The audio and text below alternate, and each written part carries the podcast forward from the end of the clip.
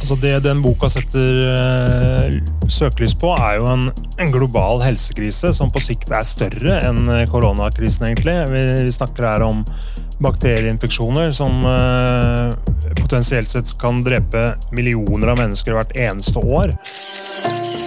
Det er så elendig journalistikk at det nærmest burde gått inn i komibøkene. vet du.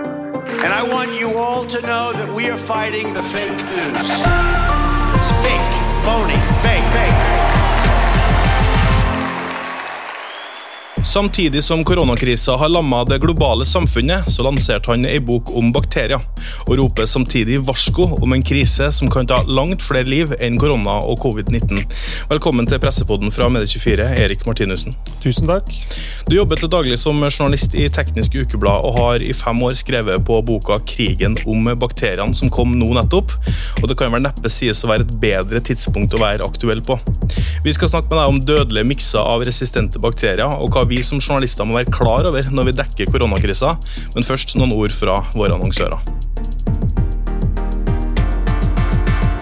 Pressepodden presenteres av Retriever, leverandør av medieovervåkning og medieanalyse. Hold deg oppdatert på medieomtalen om koronaviruset med Retrievers interaktive dashbord og Medier24 Jobb, landets største portal for ledige jobber i mediebransjen, og Fritt Ord. Og nå kan denne reklameplassen bli din. Ta kontakt med Medie24 for mer informasjon.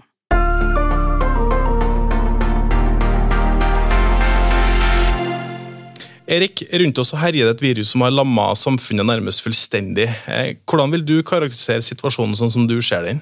Nei, Det er en helt unik eh, situasjon i historisk sammenheng. Jeg tror ingen av oss har vært med på noe lignende. og Når vi ser på hvilke konsekvenser det har for hele samfunnet, økonomien og den enkelte, så, så er det helt unikt. Og eh, Vi må jo helt tilbake til spanskesyken etter første verdenskrig for å, for, for å finne noe som er tilsvarende. og det er klart På den tiden var jo samfunnet mye mindre globalisert, økonomien var mindre globalisert. så Eh, konsekvensene på en måte var mindre, så heller ikke det er egentlig direkte sammenlignbart. Så det er, det er en helt eksepsjonell historisk situasjon. Hvordan er du selv berørt av koronakrisa, både ja, profesjonelt og på privaten? Jeg må jo sitte hjemme og jobbe, som de fleste, eh, med barn og familie. Det er, ikke, det er ganske vanskelig å kombinere. Eh, men jeg tror det er andre som er hardere rammet enn meg. så jeg skal ikke være den som klager mest. Altså, I flere uker så har journalister lest statistikk, vi har liksom, intervjua helseeksperter, vi har ellers skrevet om liksom, et stoffområde som man kanskje ikke til vanligvis dekker. altså Sportsjournalistene har jo plutselig kommet inn i nyhetsdekninga her. Hvordan synes du journalistene har klart seg? Jeg synes at det har vært eh, fantastisk eh, godt arbeid fra norske journalister. Eh, jeg må si, Med tanke på hvor utrolig vanskelige arbeidsforhold eh, vi har hatt i det siste. Folk sitter på hjemmekontor. Det er krevende å få tak i de man skal snakke med. Samfunnet står nesten på vent. og at Pressen har klart å produsere dyptgående, bredt og veldig godt stoff i denne situasjonen. Jeg er mektig imponert over kollegaene mine, det må jeg si. Det er jo et eh, altså, helsestoff og gjerne forbeholdt liksom, enkeltjournalister. den type ting. Altså, nå ser du nyhetsjournalister, sportsjournalister. altså Alle sammen bidrar i en sånn kollektiv greie for å få ut riktig og viktig informasjon. og sånn. Er, er det noen ting med den dekninga som du ja, har overraska deg, eller ting du kan peke på som burde ha vært bedre? Jeg må si det, jeg har ikke lyst til å snakke ned eh, noe som helst av det norske journalister gjør nå. Jeg er veldig veldig imponert over den innsatsen som er gjort. Eh, men hvis vi sammenligner med noen av nabolandene våre, hvis vi ser f.eks. på hvordan det har vært i Sverige eh, og den, altså den spesielle måten må vi si, som, som svenske myndigheter har håndtert koronakrisen, hvor de hadde en slags idé om at de skulle ha en kontrollert spredning av korona eh, som er helt unik i europeisk sammenheng. Eh, jeg syns det er merkelig at ikke svensk presse har stilt flere spørsmål til Anders eh, Tegnell og, og, og, de andre helsemyndighetene i Sverige rundt den strategien, for, før nå all, helt på slutten her på tampen. Eh, og Vi ser jo nå hvilke enorme konsekvenser dette har for uh, svensk helsevesen. Eh, som er under veldig stort press. Vi har sykepleiere og leger som er under enormt arbeidspress på, på svenske sykehus nå. og Det må jo være på en måte pressens oppgave å være litt i forkant her og ta vare på de som faktisk blir ramma av eh, av krisen, og ikke bare flertallet og storsamfunnets hensyn. Eh, nå setter jeg deg litt på spissen, men, men dette er jo veldig samfunnskritiske oppgaver. og, og forhold som pressen må undersøke. og Jeg må si, jeg, jeg syns eh, norsk presse har håndtert dette bedre enn en våre svenske kolleger så langt. I hvert fall. Det har, vært, eh, altså, det har vært spennende å se tabloidjournalistikkens møte med kriser, når eh, plutselig nyhetsvarsel om småting ikke nødvendigvis er like viktig lenger. Har du gjort deg noen bemerkninger rundt den type ting? eller? Ja, så Vi ser jo en, eh, en nett, nettavis som VG, som stort sett har altså, veldig mye kjendisstoff og korte saker. Nå har plutselig lange featuresaker og, og dyptpløyende journalistikk om veldig kompliserte forhold. Jeg må si jeg er veldig imponert over, eh, over måten også tabloidpressen har dekket eh, dette veldig krevende og vanskelige sakskomplekset. Så mm, nei, det er rett og slett uh, veldig bra å se. Det er klart, det kommer til å bli, veldig, det til å bli mer utfordrende framover. Eh, man får kanskje Pressen har fått mye energi i starten her. Man er oppe i en krise. Alle jobber frenetisk for å på en måte løse oppgavene dette kommer, vi må være forberedt på at dette kommer til å bli eh, veldig langvarig. Det er ikke noe spurt, det kommer til å bli et maraton. Eh, og sånn sett så, så, er det viktig nå at redaksjonsledelsen eh, tar vare på journalistene sine. At ikke folk eh, blir overarbeida. At man holder, klarer å holde trykket oppe over tid. Da. Så jeg ser jo journalistene og pressen stiller krav til myndighetene her om å komme med krisepakker og, og tilsvarende, men det er også et eh, ansvar for hos redaksjonsledelsen her til å ta vare på journalistene sine? Hvordan, eh, altså, Du har jo en ekspertise på, altså, på, på, bakterier. Eh, nå ser vi jo et virusutbrudd. Dekker du koronakrisa selv som journalist, eller hvordan funker det? Eh, jeg må innrømme at jeg syns det har vært veldig vanskelig å dekke det. Det er litt, kanskje litt for nært stoffområdet, pluss at det daglig dekker jo fornybar energi og solenergi og havvind og den type spørsmål. Så det har vært et stort sprang for Teknisk Ukeblad dette her, å sitte og skulle dekke covid-19. Men vi gjør så godt vi kan. og vi prøver å ta den tekniske inngangen til det og følge med på hva som finnes av test, testutstyr og, og, hvordan det går med eh, vaksineringsprogrammer og den type ting. Eh, så vi, ja, vi, vi, prøver å finne vår inngang til stoffet. da. Mm. Eh, sett fra ditt faglige og nå kan vi si forfatterske ståsted også, da. Eh, hva må vi som journalister være klar over når vi dekker epidemien som, som pågår eh, akkurat nå? Jeg tror at uh, som i andre Når det er store forandringer i samfunnet, så er det og, og viktige uh, viktige spørsmål står på spill. Da. Her er det jo egentlig hele økonomien som står på spill. Eh, så vil eh, frontene komme til å bli mye sterkere framover. Vi det, vil, det vil komme veldig klare krav om å åpne opp samfunnet eh, fra én side, samtidig som det vil være andre deler av samfunnet som vil kreve videre stenging, kanskje enda strengere tiltak. Altså, jeg tror konfliktnivået her kommer til å bli mye høyere etter hvert som, som dette skrider framover. Og i det landskapet kommer det til å bli ganske vanskelig for oss som journalister å å finne fram til hva som er rett og galt. Så det blir på en måte eh, det blir en krevende arbeidshverdag framover. Og jeg tenker at det beste måten å forberede seg på det, er å, å være ja, rett og slett uh, tenke over at, at, dette her kommer, og kommer til å bli langvarig. Og, og, og være forberedt på det. da. I journalistikken så skal vi jo dra opp liksom motsetninger, gjerne, eh, og, og peke, på, peke, på, ulike løsninger osv. Eh, samtidig så skal vi i en krisetid også ikke spre panikk og frykt og, og, og sånne ting. Eh, er det krevende for journalister i en sånn type epidemidekning, tenker du? Ja, det er jo veldig vanskelig, og vi har jo sett eh, Ekspertisen sier alt fra at dette er en vanlig sesonginfluensa, til at det vil kunne ta 150 000 liv i, i Norge. Så, så, det er klart det er svært krevende landskap å operere i. Um, det er klart uh, Pressen må jo på, påse at alle sider um, av denne saken eh, blir dekt eh, bredt og skikkelig. Jeg syns man har klart å balansere ganske godt så langt, med enkelte unntak. Um, men det er klart, spesielt i starten her Dette er også fra myndighetenes side en veldig krevende situasjon. Jeg misunner ikke Bent Høie og Erna Solberg den situasjonen de er i. Det er jo nesten samme hva slags valg de tar framover, så, så blir det feil. Så man må jo på en måte støtte opp om de tiltakene som helsemyndighetene og myndighetene nå foreslår framover, samtidig som man skal ha et, et kritisk blikk på hvilke samfunnskonsekvenser det har. Da. Ja, Vi unngår svenske tilstander i, i Norge. Ja, det, må, det, det, det håper jeg.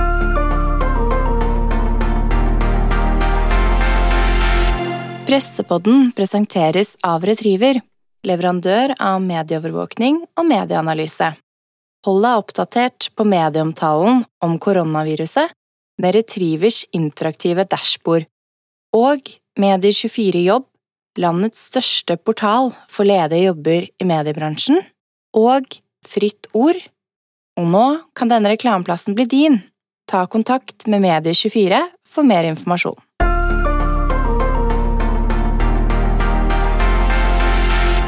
Du har skrevet boka 'Krigen mot eh, bakteriene', som kom på, på Press eh, forlag eh, her ja, nå nettopp. Hvorfor er du så interessert i dette feltet? Nei, Det er en sånn grunnleggende nysgjerrighet jeg har for egentlig alle store spørsmål. Jeg er en veldig nysgjerrig person og er opptatt av gravende, undersøkende journalistikk. Og når jeg begynte å kikke nærmere på disse spørsmålene her, for en god del år siden, faktisk, så forsto jeg liksom hvor fundamentalt antibiotika var for helsevesenet vårt. Da. Eh, det er på en måte hjørnesteinen i alt som har med operasjoner og proteser og transplantasjoner altså Alt det her som er viktig i vårt helsesystem, er nesten umulig uten antibiotika. Eh, samtidig som jeg i dette arbeidet også skjønte at bakterier er veldig fundamentalt for alt liv på jorden. Da. Så det er sånn eh, et stort et stort kunnskapsområde som vi egentlig lærer veldig lite om på skolen. Altså at bakteriene faktisk er eh, grunnlag for alt liv, og planter og mennesker og dyr. Um, og, og, påvirker altså immunsystemet vårt både positivt og negativ forstand. Og her er det ja, veldig mange ting som er eh, lite, lite, kunnskap om, så jeg var veldig nysgjerrig på. Så det var spennende å jobbe med. Det er jo ikke et fagområde som på en måte den normale eh, journalisten på en måte har, har god, god, kunnskap om. Jeg husker selv jeg jobba i Trønderavisa på den tida og skrev mye om landbruk. Eh, det er jo gjerne sånne lokalavis du skriver både om innvandring, integrering, landbruk og, og gjerne om fornøyelsesparker samtidig. Eh, men landbruk var en av de tingene. Og der kom det et LA-MRSA-utbrudd på noen besetninger, svinebesetninger i 2015, husker jeg, som på en måte var veldig sånn altinngripende i, i den journalistikken. og Vi forsto at her måtte de ikke bare sanere hele anlegget. altså Det var på en måte veldig inngripende i økonomien til bonden osv. Um, det, var, det er jo en bakterieutbrudd. Eh, nå ser vi jo et virusutbrudd. Altså, hva er forskjellen på de her tingene? altså, virus, eh, altså, bakterier er jo den minste måte, biologiske bestanddelen eh, på jorda. Det er jo faktisk en levende celle som kan formere seg sjøl, kan du si. Mens et virus er en slags levende døde, bare et slags arvestoff som svever rundt, og som er avhengig av å gå inn i andre celler da, for å kunne multiplisere seg. Eh, så det er jo mange biologer som, ikke, som mener at, at, virus ikke engang kan regnes som, eh, som mikrobe. Eh, som en mikroorganisme. Så det er veldig forskjellige ting, dette her. Så er det også sånn at virus er veldig mye mindre. Det, det fins jo virus som faktisk kan angripe bakterier. Og i helsesektoren, bl.a. I, i USA, så har de jo begynt å bruke enkelte gode virus da, til å drepe farlige bakterier, bl.a. MRSA, som du er inne på. Eh, så hvis du har eh, bakterier som er resistente mot antibiotika, så kan du bruke bakteriofager, da, som det heter, eh, som er bestemte virus som, som dreper bakterier, til å behandle behandle en infeksjon. Jeg synes Det er herlig å høre journalister som er sånn skikkelig nerds på det de er gode på. Den, eh, men du peker på noe i boka di, altså du tegner opp et ganske dystert scenario. egentlig. Eh, for nå står vi jo i en krise som, som, som vanskelig å komme utenom fordi at den berører alle sammen. Mens så peker du også på en krise som egentlig er mye større enn dette på lang sikt. Kan du si litt om det? Ja, fordi øh, øh, før vi hadde antibiotika, før penicillinen kom øh, rett etter krigen, så var det jo bakterier som tok flest menneskeliv. bakterieinfeksjoner. og mange vil vel ha hørt vokst opp med sin Emil i Lønneberg-historien om Alfred. ikke sant? Han drengen som gikk på gutt, jobba på gården og fikk en blodforgiftning. da. Eh, og så ble han redda av Emil osv. Men dette var jo veldig vanlig i gamle dager, at alle hadde et familiemedlem som var dødd av en bakterieinfeksjon. Eh, og Det skyldes jo den enkle grunnen at bakterier kan angripe alle, uansett alder, uansett eh, tilstand på immunforsvaret. Så hvis du først mister antibiotika, så vil enhver en bakterieinfeksjon bli farlig. da. Mens Koronaviruset ikke sant? Det angriper jo en bestemt gruppe mennesker, eldre eller folk med svekka immunforsvar, og har også noe som vi vil utvikle immunitet mot over tid. Så du kan si om ett-to år, når denne krisa forhåpentligvis er over, og vi alle er blitt vaksinert eller utvikla folkeimmunitet mot korona, så vil fortsatt antibiotikaresistente bakterier være der og, og vokse som eh, helsekrise. Eh, så er det også sånn at eh, resistente bakterier forverrer eh, virusepidemier. Hvis du har en pasient, en intensivpasient som er smitta av korona, som ligger på et, et, italiensk sykehus, så kan de få det som heter en sekundær bakteriell infeksjon. med da Pasienten ligger utslått ikke sant? med dårlig immunforsvar, og da kan bakterier ses i snitt og angripe pasienten. Og man kan få en lungeinfeksjon. Hvis du da kan behandle den bakterien med antibiotika, så vil jo sannsynligvis pasienten bli frisk igjen, men sånn som har vært situasjonen i Italia, så er det mange av disse bakteriene resistente. Og det vil jo forverre sykdomsforløpet for intensivpasienter og, og føre til høyere dødelighet. Da. Så til og med i en viruspandemi da, så vil resistente bakterier eh, kunne forverre situasjonen. Ja, for Du skrev jo om dette, dette også i Aftenposten, eh, som, som, du også pekte på senere hadde fått noe kritikk, og så fikk du støtte fra, fra, fra, fra faglig hold også i, i ettertid. Hva, ja, hvis du drar oss inn i det, hva, hva handla det om? Jo, Det handla om nettopp dette, at uh, resistente bakterier kan forverre uh, virussykdommer. Da. Uh, og de har veldig store utfordringer med resistente bakterier i Italia, og, dels også i Spania. hvor de har såkalte sykehusbakterier, som er resistente bakterier som har bosatt seg i sykehusene, rett og slett. Og det er veldig vanskelig å bli kvitt. Og de ser sitt snitt å angripe pasienter som ligger på intensivavdelingene. Da. Så eh, her er det jo eh, med veldig høy sannsynlighet at disse bakteriene spiller en rolle for dødeligheten. Da. Eh, de har allerede i dag 11 000 dødsfall i året som skyldes resistente bakterier. Eh, mens vi nordiske land, sånn som Norge og Sverige, har, eh, har under 100 i hvert land. Så dette forverrer jo da problemet med å behandle covid-19-pasienter i Italia og Spania. Og, og, er det jo en ting som vi, som vi, frykter nå, så er det jo overkapasitet på sykehusene. Eh, og, og sånt, eh, Men med det scenarioet du tegner her, eller med de implikasjonene, så, så kan man jo faktisk også kanskje dø i ytterste konsekvens av eh, enkle eh, medisinske inngrep. Eh, sånne ting som, som, hvor du trenger antibiotika for å overleve. Ja, absolutt. Og det er jo det som er det, det skumle bakteppet her. At uh, hvis disse resistente bakteriene får fortsette å spre seg og bli mer resistent, så vil jo det å få et kutt i fingeren kunne ha like store implikasjoner som korona har i dag. Du havner, du havner på en intensivavdeling og i verste tilfelle kan få en blodforgiftning og dø. Da. Så kostnadene for å behandle denne type infeksjoner vil jo gå rett i været Folk blir liggende lengre på intensivavdeling, det blir vanskeligere å behandle dem, flere må isoleres, så kostnadene til helsevesenet vil bli raskt veldig mye høyere. Da. Og da kommer du på et eller annet tidspunkt til et, et punkt hvor samfunnet ikke kan bære helsekostnadene lenger, og at folk, flere pasienter må behandles hjemme. Og da er vi jo eh, i en situasjon som, altså, sånn det var før krigen, rett og slett. Eh, og det vil vi jo absolutt unngå. Nå snakker vi om noen titalls tusen døde av koronakrisa, eller, eller jeg vet ikke hvor mange, hva det siste tallet var for noe? Nei, var det 60 000-70 000 på verdensbasis? Så dette, men, men, hvorfor snakker vi ikke mer om det her? Hvorfor er det ikke fullstendig liksom, faglig kompetanse i de norske redaksjonene som dekker dette? Altså, hvor, Hvorfor er dette på et kan du si, et fagpressenivå? Dette bør jo være ja. top of mind i alle redaksjoner. Det er et veldig vanskelig spørsmål. Hvis du ser på hvordan eh, koronakrisen har blitt behandlet i svensk presse inntil ganske nylig, så er det jo sånn eh, Hvis du ser dette rett på overflaten, så rammer det svake grupper. Det, smaker, det rammer en veldig liten del av samfunnet. Det er ikke så lett å få øye på, med mindre det brått blir mye snakk om det. Eh, og sånn har jo på en måte eh, antibiotikaresistente bakterier også blitt behandla som en litt sånn kuriøs ting som skjer med eldre mennesker på sykehuset. Eh, man behandler det ikke som et stort samfunnsproblem.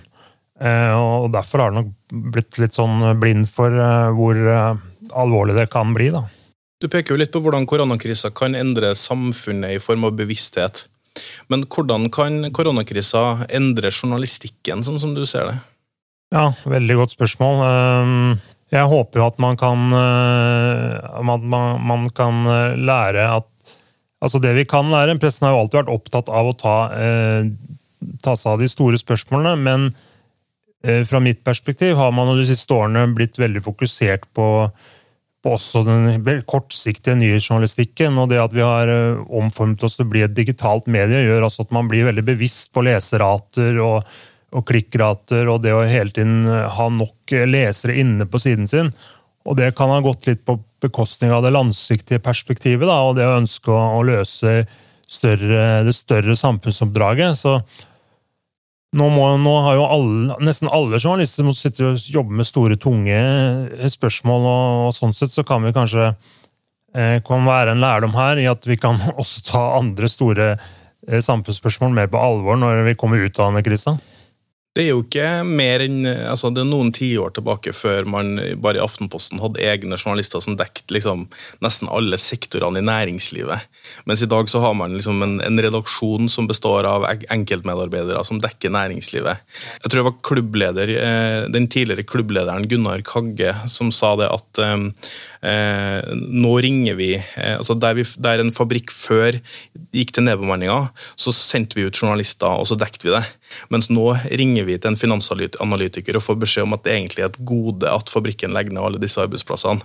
Um, hvis vi skal trekke noen paralleller til den, til den journalistikken som du etterspør nå, altså mer faglighet, så, så krever det kanskje det enda mer ressurser og, sånne ting, eller? Ja, Jeg er usikker på det der, altså. fordi at uh, det er klart, Hvis formålet er å produsere mest mulig stoff altså, Mange tenker jo det at Eller det er jo sånn at jo mer stoff du kaster ut på nettsida si, jo flere uh, lesere får du på statistikken. Så, Det er jo alltid viktig å produsere mye stoff. Men i det perspektivet så glemmer man ofte at det gode stoffet uh, gjør at flere lesere blir værende lenge på nettsiden din. Det er flere lesere som oppsøker deg igjen. Ehm, så man skal ikke det, det, kan lønne seg noen ganger å kanskje droppe et par-tre lettvinte saker for å lage en, en lengre god. da. Eh, selv om det ikke er sånn åpenbart å se med en gang. Så du er ikke noe klikkhore i Teknisk Ukeblad? for å si det sånn? Nei, men jo, jeg, jeg leser statistikk og jeg er veldig opptatt av at jeg har nok lesere på sakene mine. Så, så jo da, men, eh, jeg, men, det er lett å glemme det langsiktige perspektivet. Da, og, og det å ha en leser Det er jo, det er jo andre tall, underliggende tall her òg. Hvis, hvis leseren har brukt fire minutter på saken din istedenfor 20 eh, sekunder, så betyr det noe. da. Du har jo eh, skrevet flere bøker, eh, men, men, dette, den siste som kom nå på pressforlaget, 'Krigen mot bakteriene'. Hvorfor ville du skrive den boka? Eh, jeg skrev en reportasje i DN lørdag om eh, antibiotikaresistens eh, og bakteriofager faktisk for mange år siden. Og Så ble jeg spurt av et forlag, og egentlig var jeg litt motvillig i starten. for Jeg syntes det var litt sånn traurig stoff. og Sjuke folk eh, inne på sjukehusene. sykehusene. Ja, det, det hørtes litt krevende ut å gå inn i. Men som sagt, når jeg begynte å jobbe med dette, her, så forsto jeg hvor gjennomgripende det var for samfunnet. Da. At det egentlig er et dypt eh, viktig samfunnsspørsmål. Um, og jeg ble egentlig mer og mer interessert når jeg forsto hvor fundamentalt antibiotika er for helsesektoren, og ikke minst hvor fundamentalt bakterier egentlig er for alt liv. Og dette her at mennesker og planter og dyr er en sånn krusning eh, på toppen av et hav av bakterier, det var jo på en måte helt nytt for meg. Eh, og her er det egentlig et paradigmeskift nå i vitenskapen. Da. Eh, forskerne har virkelig oppdaga hvor mye bakteriene kan bety. Både for, altså for, for, at, for, å ha et velfungerende immunforsvar, og for egentlig hvor godt, hvor godt man kan dyrke planter og, og poteter, for den saks skyld. Altså, det er liksom det er en veldig sånn altomfattende problemstilling her som, som jeg fanga meg veldig. Jeg ble veldig nysgjerrig. så ja, Derfor tok det lang tid å skrive boka. da. Men nå er det blitt en bok som egentlig handler om mye mer enn antibiotikaresistens. Det har jo blitt en bok som tar for seg et sånt holistisk perspektiv på eh, bakterier og hva det egentlig betyr for oss. Så ja, det det, det ble en, eh, et stort prosjekt. Hvem er denne boka for, da? Nei, Det er jo et allment publikum. Det er jo en reportasjedrevet eh, bok. Det er jo en journalistisk skrevet bok. Så det er jo meninga at det skal gjøre eh, i utgangspunktet vanskelig tilgjengelig stoff lett tilgjengelig for lesere. Så det, mm, alle skal kunne lese denne boka. Det er vel ikke mulig å treffe mer sånn aktualitetsmessig? Altså du, du, et helt globalt samfunn ble, ble lamma. Det er vel neppe noen som har en større knagg enn deg? Nei, det kan du si, men samtidig er det jo mange som har stilt spørsmål ved aktualiteten nettopp fordi den eh, liksom handler om bakterier og ikke virus, og at det er en stor forskjell her. Eh, men folk må forstå at dette henger sammen, som vi har sett i Italia. at når virusene svekker immunforsvaret, så kan bakteriene angripe. og På den annen side har vi bakterier som kan drepe virus, så, så dette jo, henger jo sammen på alle måter. Vi får håpe at ikke krisa sørger for at du slutter å skrive bøker. Erik Martinussen, tusen takk for at du kom i, i Pressepodden. Takk for at jeg fikk komme. Reaksjonen består av Eira Lior, Ole Alexander Søve, Jan Magnus Weiberg Ørdal og meg, Erik Votland. Teknisk ansvarlig av Sebastian Monrikes i Portapod. Vi høres plutselig.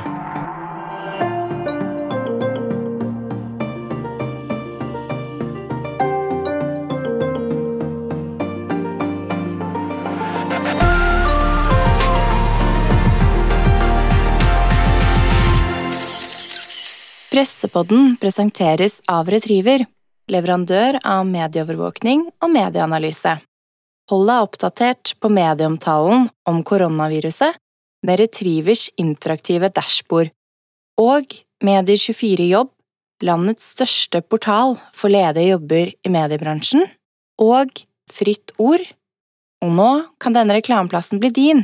Ta kontakt med Medie24 for mer informasjon.